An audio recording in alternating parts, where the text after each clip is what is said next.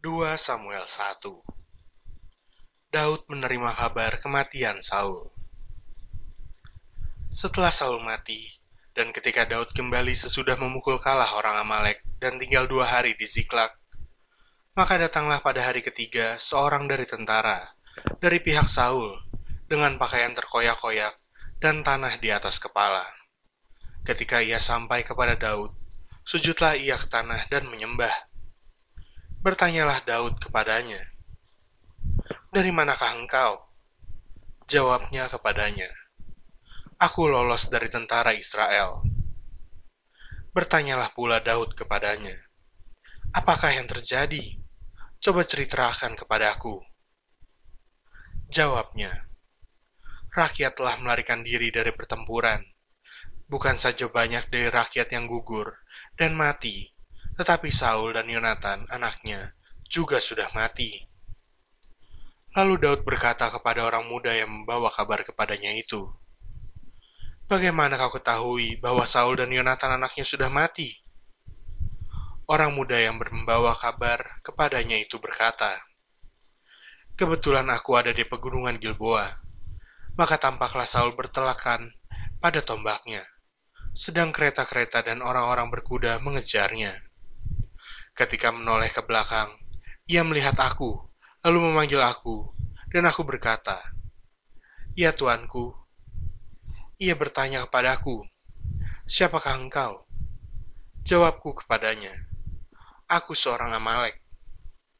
Lalu katanya kepadaku, Datanglah kemari dan bunuhlah aku, sebab kekejangan telah menyerang aku, tetapi aku masih bernyawa. Aku datang ke dekatnya dan membunuh dia, sebab aku tahu ia tidak dapat hidup terus setelah jatuh. Aku mengambil jamang yang ada di kepalanya, dan gelangnya ada pada lengannya, dan inilah dia aku bawa kepada tuanku. Lalu Daud memegang pakaiannya dan mengoyakkannya, dan semua orang yang bersama-sama dengan dia berbuat demikian juga.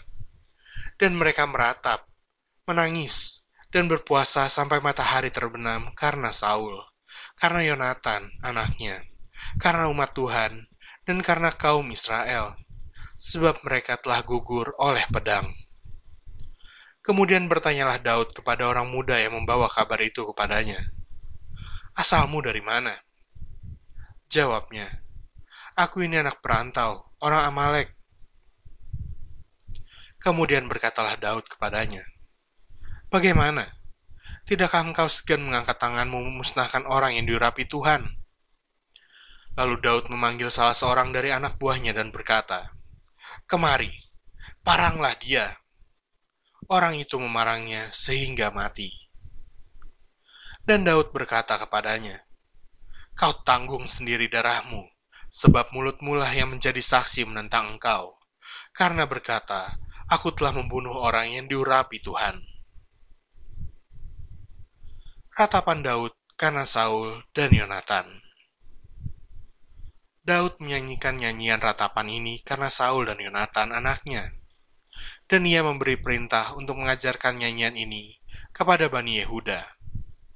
Itu ada tertulis dalam kitab orang jujur.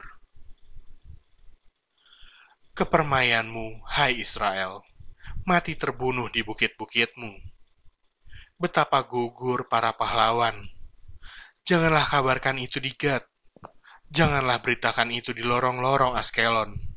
Supaya jangan bersuka cita anak-anak perempuan orang Filistin.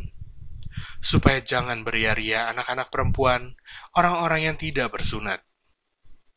Hai gunung-gunung di Gilboa, jangan ada embun, jangan ada hujan di atas kamu.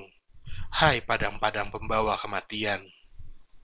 Sebab di sanalah perisai para pahlawan dilumuri, perisai Saul yang tidak diurapi dengan minyak, tanpa darah orang-orang yang mati terbunuh, dan tanpa lemak para pahlawan. Panah Yonatan tidak pernah berpaling pulang, dan pedang Saul tidak kembali dengan hampa. Saul dan Yonatan, orang-orang yang dicintai dan yang ramah, dalam hidup dan matinya tidak terpisah. Mereka lebih cepat dari burung Raja Wali mereka lebih kuat dari singa. Hai anak-anak perempuan Israel, Menangislah karena Saul, yang mendandani kamu dengan pakaian mewah dari kain kirmizi, yang menyematkan perhiasan emas pada pakaianmu. Betapa gugur para pahlawan di tengah-tengah pertempuran. Yonatan mati terbunuh di bukit-bukitmu. Merasa susah aku karena engkau, saudaraku Yonatan. Engkau sangat ramah kepadaku.